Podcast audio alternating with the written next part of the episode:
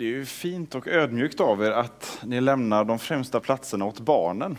Men det blir så tomt när alla går iväg. Kan vi inte, kan vi inte göra så att vi flyttar fram? Eh, flytta fram om ni sitter långt bak och så. Så flytta fram och så kan vi tränga ihop oss här lite. Eh, fram om ni vill. Så, så ser jag er också trots motljuset här.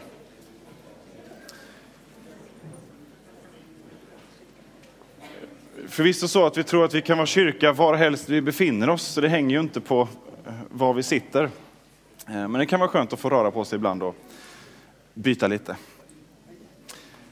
Vi har en, eh, en vision för den här kyrkan som talar om vad vi tror är, är Guds vilja för oss som, som kyrklig gemenskap här.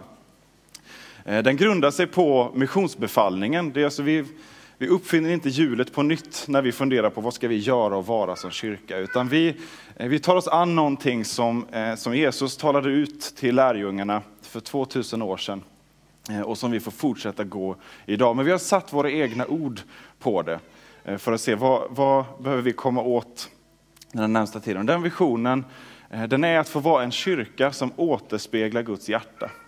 Som bär varandra, som betjänar människor var helst vi befinner oss varje dag. Eh, och nu så har vi ett antal söndagar där vi fokuserar på den här sista delen av visionen, var helst vi befinner oss. Där vill vi vara kyrka som återspeglar Guds hjärta. Och det innebär att eh, vi är kyrka på väldigt många fler platser än på Metallgatan 31 eh, och på efskyrkan.tv på nätet där vi också finns. Eh, kyrka på alla de platser där ni finns. Eh, och idag så fokuserar vi på arbetsplatsen. Ni som finns på, på arbetsplatser av olika slag. För det är så att om man är en, eh, eh en, vad ska man säga, en, en socialdemokratisk mönstermedborgare eh, och eh, arbetar och gör det heltid och inte Eh, och under optimala förutsättningar inte tar ut eh, så mycket sjukdagar och sådär, om man räknar bort för semester och sådär, då har vi ungefär 9000 dagar av livet som vi spenderar på en arbetsplats. Det ser såklart olika ut för oss eh, det här, men, men där blir eh, det någon, någon form av optimal eh, svensk arbetare då, om man maximerar antal arbetsdagar. 9000 dagar under ett liv befinner man sig i så fall på en arbetsplats. Det innebär 9000 dagar som man går in eh, på sin arbetsplats, som man säger hej till kollegorna, man frågar hur läget är, man lunchar, man fikar, man möter kunder, patienter, elever, uppdragsgivare, vad det kan vara. 9000 gånger under ett liv. Det är ändå ganska mycket. Eh, och beroende på vad man har för syn på arbete, eh, om det är ett onödigt ont eller om det är eh, någonting som man är passionerad för, så kan det också påverka hur motiverad man är. Men det förändrar inte det faktum att för de flesta av oss så innebär det väldigt många dagar på en arbetsplats. Så visst vore det synd om vi inte gjorde det bästa av de här 9000 dagarna. Man kan också bryta ner det, och man behöver inte tala om ett helt liv. Vi kan komma lite, lite närmare. Om vi bara tar ett år, eh, då är det ungefär 1800 timmar på ett år som man spenderar på en arbetsplats. Där man finns på plats, där man sitter bredvid en kollega, där man är ute och kör och möter eh, människor. Nästan 2000 timmar på ett år. Det är, det är mycket tid vi lägger där. Och är det så att du är kristen eh, och finns på en arbetsplats, då är det också så att Jesus har en fot in på den arbetsplatsen. Eh, därför att eh, Jesus har sagt att kyrkan, de kristna, de troende, är Kristi kropp, alltså hans kropp, hans närvaro på jorden.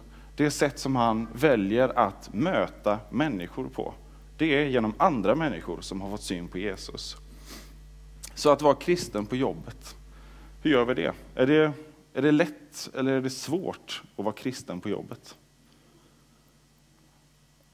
kan man ju tycka det är dumt om en präst frågar sig det. Jag, jag, inte, jag kan vara öppen med min tro här, bland mina kollegor i alla fall. Jag brukar inte stöta på så mycket eh, fler, men det kan hetta till i och för sig. Eh, i samtalen där också.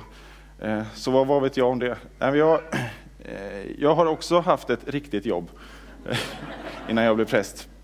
Jag jobbat som vårdbiträde, eh, vikarierande många år. Jag vet inte hur mycket vikarie det blir, men sex år på en enhet. I Lund var jag, varit i lite olika städer.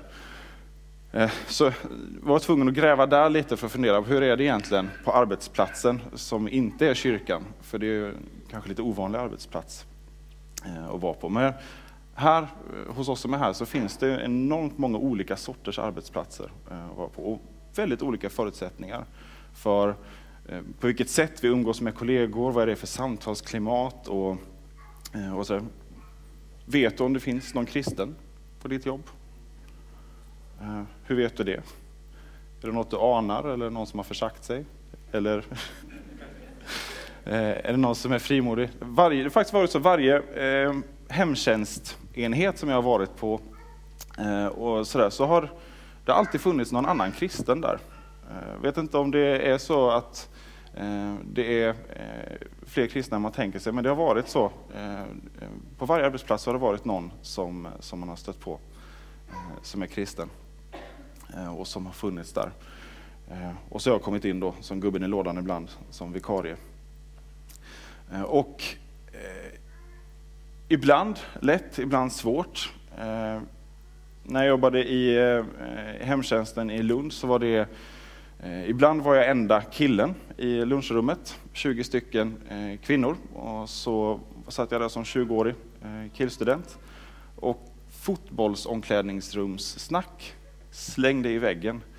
När det bara var jag då och de här kvinnorna, så var det helt plötsligt som att de glömde att, att jag fanns där och snackade igång. Jag liksom kröp långt bak i soffan och så upp med tidningen framför. Jag har aldrig varit så generad tror jag i hela mitt liv som, eh, som snacken på dem, eh, på de rasterna ibland. Eh, och då kan man fundera, är det eh, att det är svårt ibland då att outa att man är kristen på jobbet, är det för att vi inte pratar om privata saker på jobbet? Nej, inte på den arbetsplatsen i alla fall. Eh, så det är någonting annat. Ibland tror jag att vi eh, förväntar oss att, eh, Eh, att, att vi är kristna, att det ska kanske provocera. Eh, och det är en rimlig förväntan tycker jag, för vi har ganska stora anspråk eh, som kristna. Men ibland tror jag vi också har en, en, en föreställning om att det är eh, ointressant. Eh, att folk kanske tycker att man prackar på sin tro bara man, man berättar att man är kristen, att man bär ett kors. I vissa yrken så är det känsligt. Vårdyrken, skolan och sådär. Eh, där får man vara eh, strategisk också.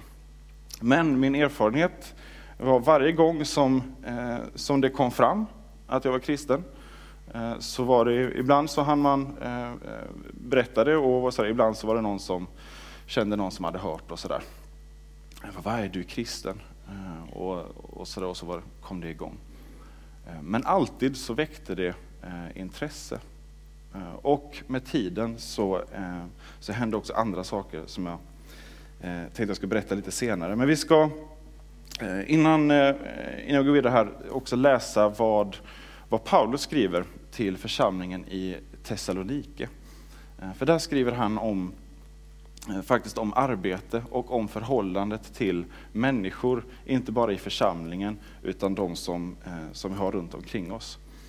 Så Eh, vi ska läsa från eh, första Thessalonikerbrevet kapitel 3, eh, från vers 12 där, och sen så hoppar vi vidare till en bit in i kapitel 4, vers 9 och framåt där.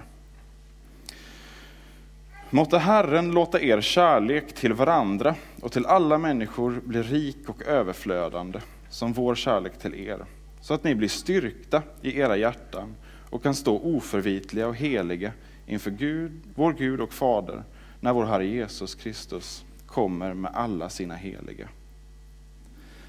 Om broderkärleken behöver vi inte skriva till er. Gud har själv lärt er att älska varandra och kärlek visar ni ju också alla bröderna i hela Makedonien. Men vi manar er bröder att göra ännu mer. Sätt en ära i att leva lugnt och stilla, sköta ert eget och arbeta med era händer så som vi har föreskrivit er. Lever ni på det sättet vinner ni de utomståendes aktning och blir inte beroende av någon.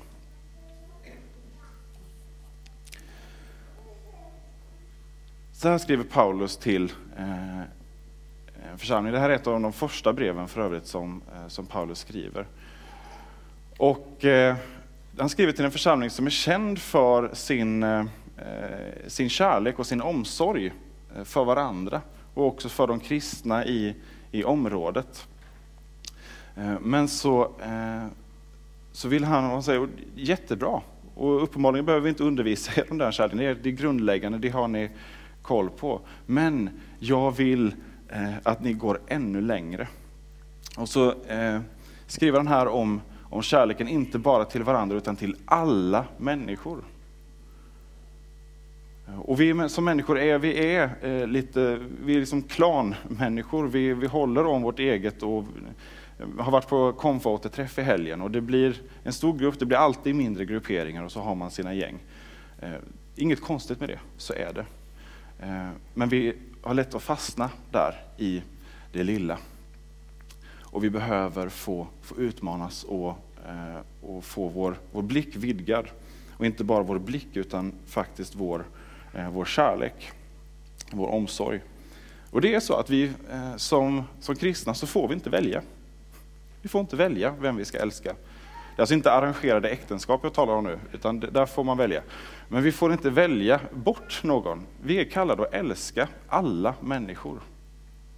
Det är, inte, det är faktiskt inte valbart.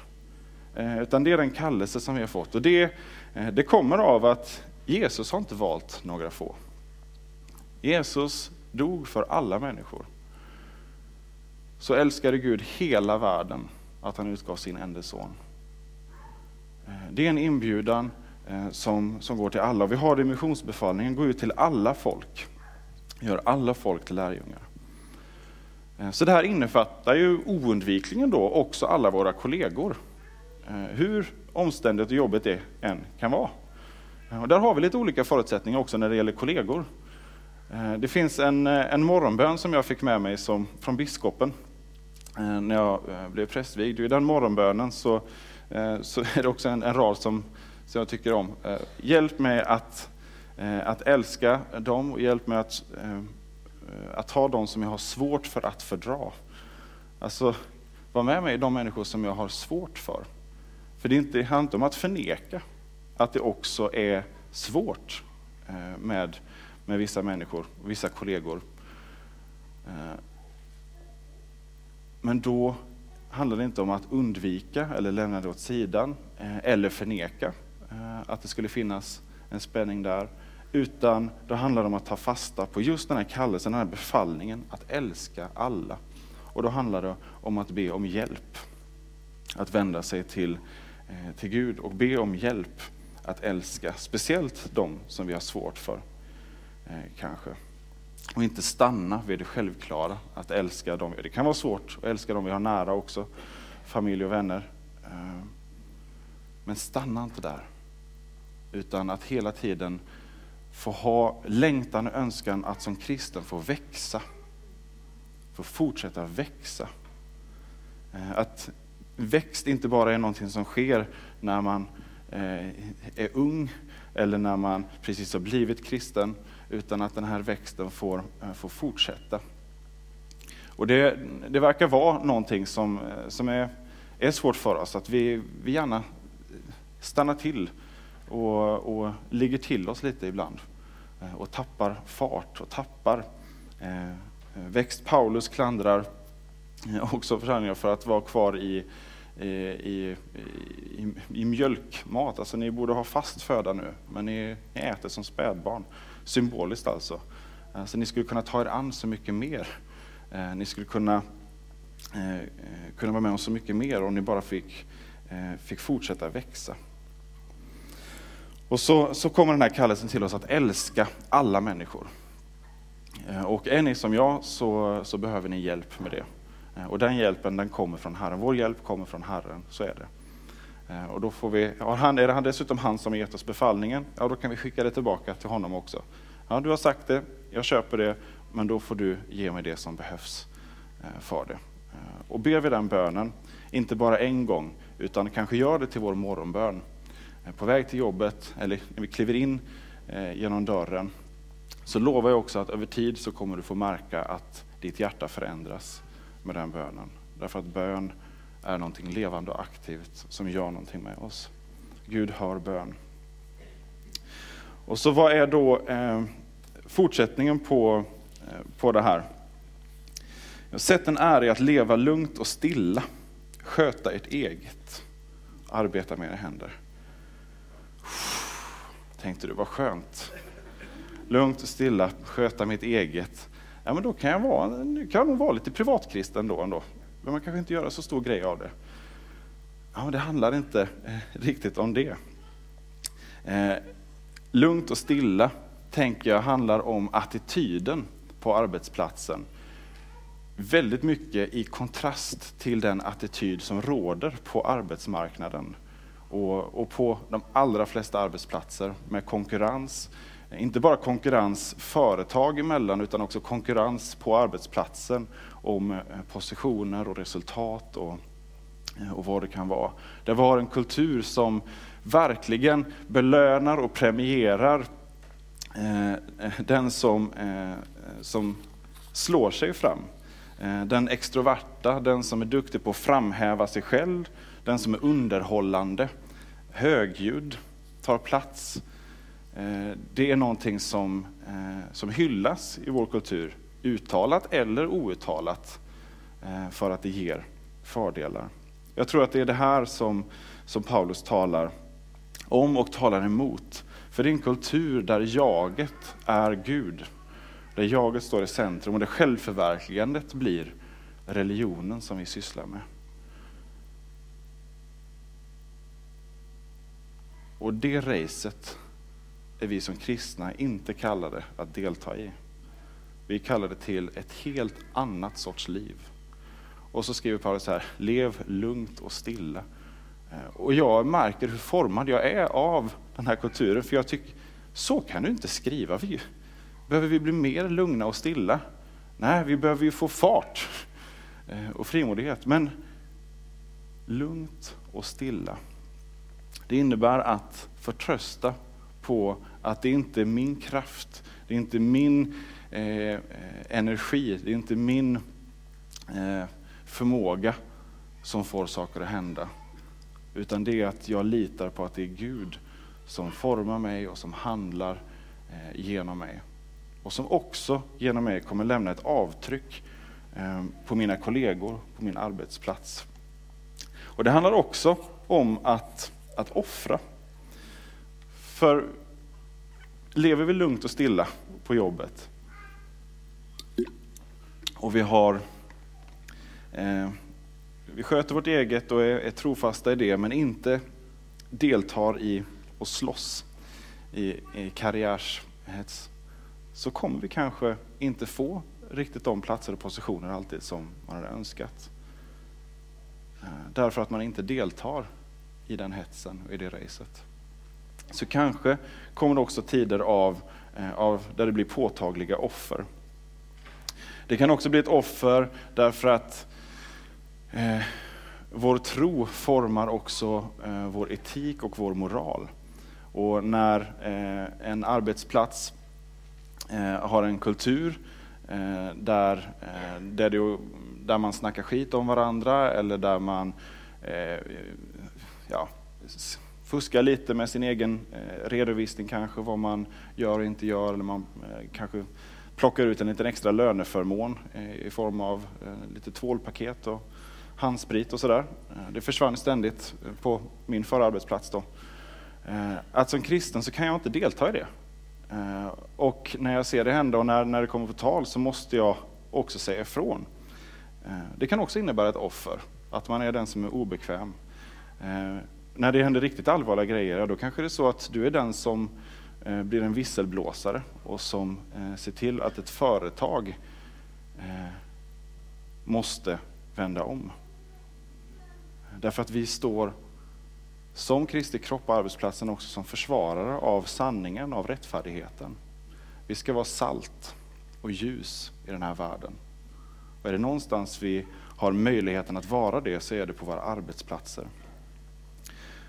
Men det innebär också att vi Vi kommer också ibland få vara de obekväma och vi kanske också ibland kommer att gå miste om det som i, i världens ögon, i människors ögon, i, i arbetsmarknadens ögon ses som framgångsrika eh, steg på karriärstrappan.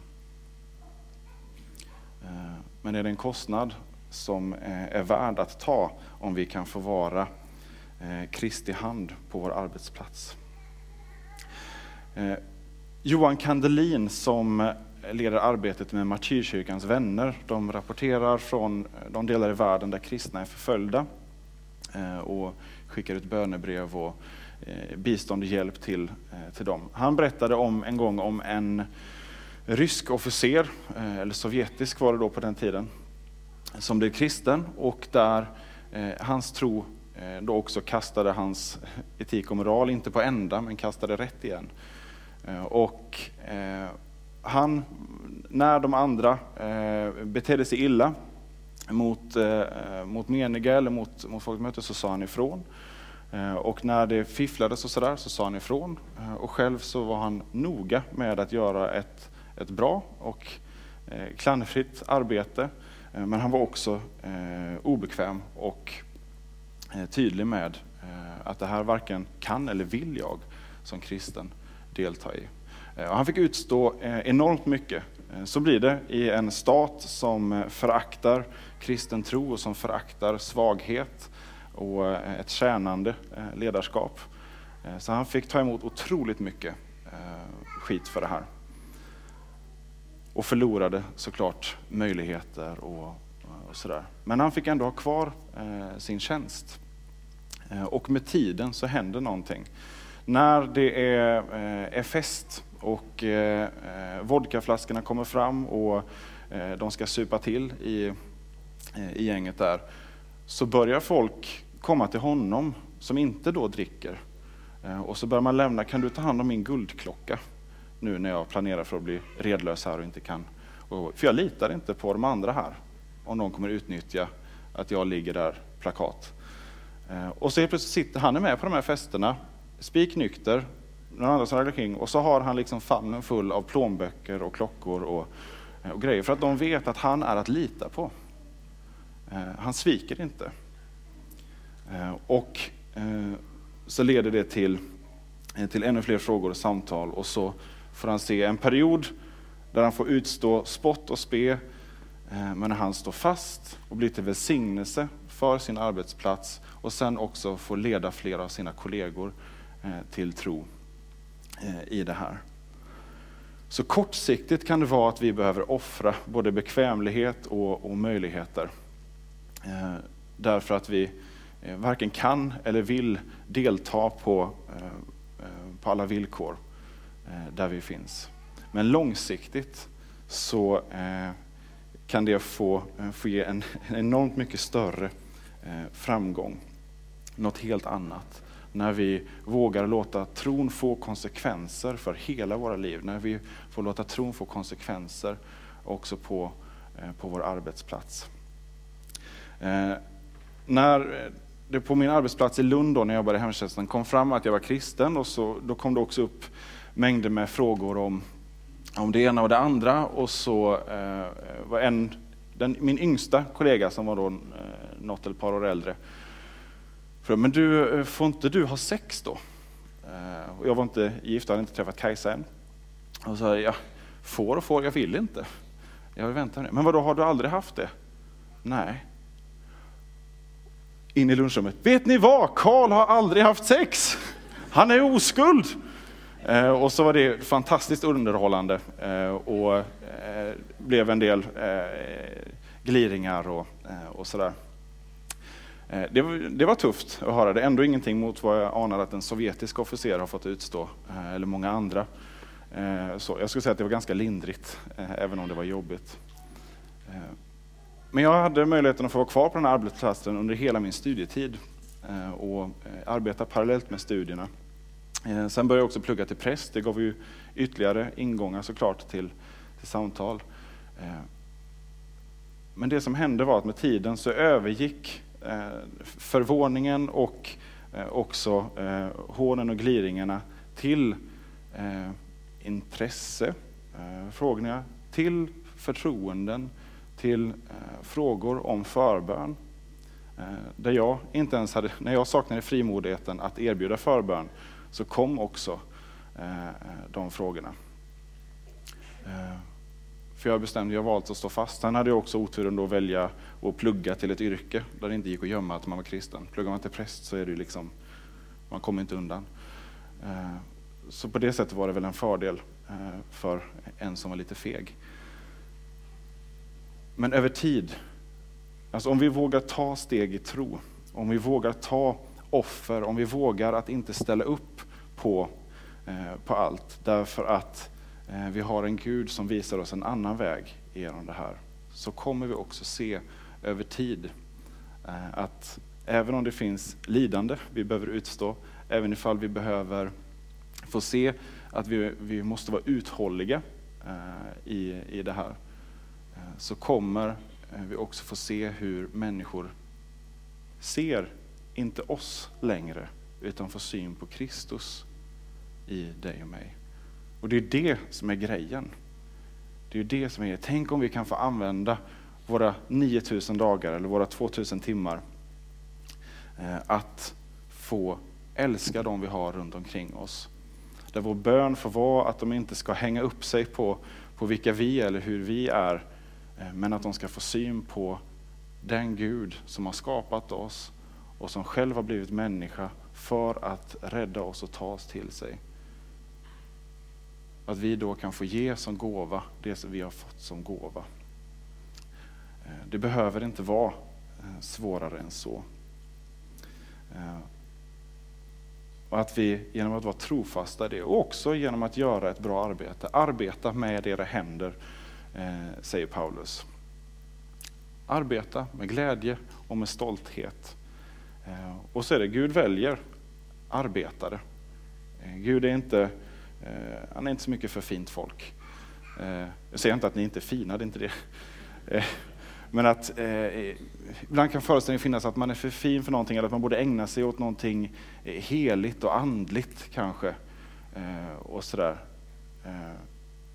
Det är det du gör om du är kristen på en helt vanlig svensk arbetsplats. Då ägnar du dig åt någonting heligt och någonting andligt. Därför att då kan du leva där och du kommer märka att det händer som, som Paulus skriver, att du kommer bli aktad bland de som finns där.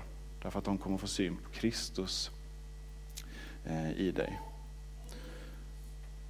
Så håll ut i det, var trofast. Låt, låt dina kollegor få veta att du är kristen så att de också vet vem de ska vända sig till när det kniper och när man är beredd att släppa eh, en del av sin stolthet. Eh, ge dem tillfälle att håna dig. Ge dem tillfälle att ifrågasätta dig. Eh, ge dem tillfälle att, att fråga eh, varför du gör eller inte gör på det ena eller andra sättet. För då ger du dem också tillfälle att få pröva sina egna hjärtan. Du ger dem också tillfälle att få vända sig till dig. Du ger dem tillfället att få, få bli visade din omsorg och din förbön. Och du kan få ge Kristus till dem. Eh, och det är det absolut eh, största vi kan få göra. Att få ge Kristus till andra människor. Det är så mycket större än alla våra karriärsmöjligheter. Och sätter vi det först, sök först Guds rike och hans rättfärdighet, så ska allt det andra tillfalla er också. Då kommer ni också få se det ena och det andra hända eh, i arbetsliv och, och andra vägar. Men sätt Kristus först, för människors skull. För vår kallelse är till alla människor, alla våra kollegor, till och med chefen. Var med mig i en bön. Tack Fader för möjligheten att få vara kyrka på så många eh, olika platser.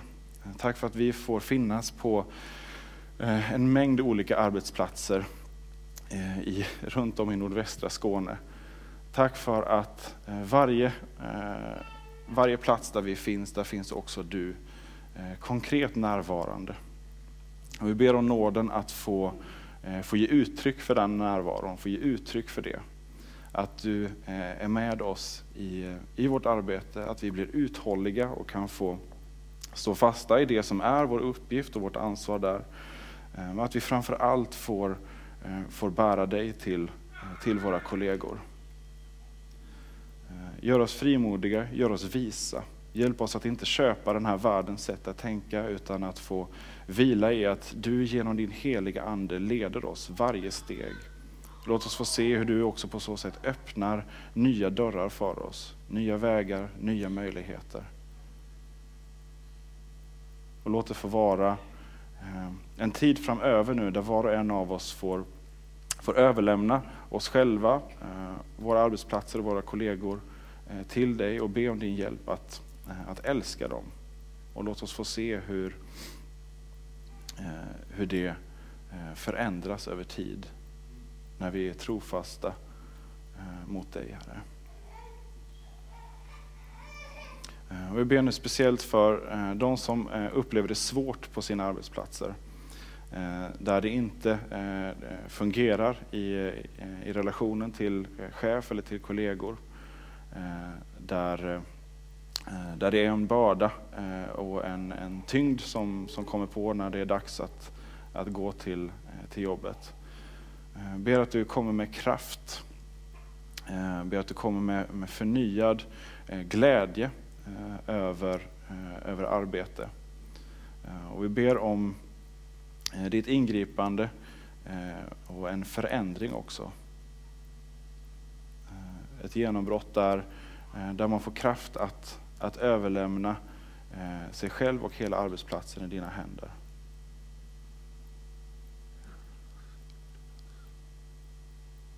Låt oss få vara ditt ljus och ditt salt var helst vi befinner oss.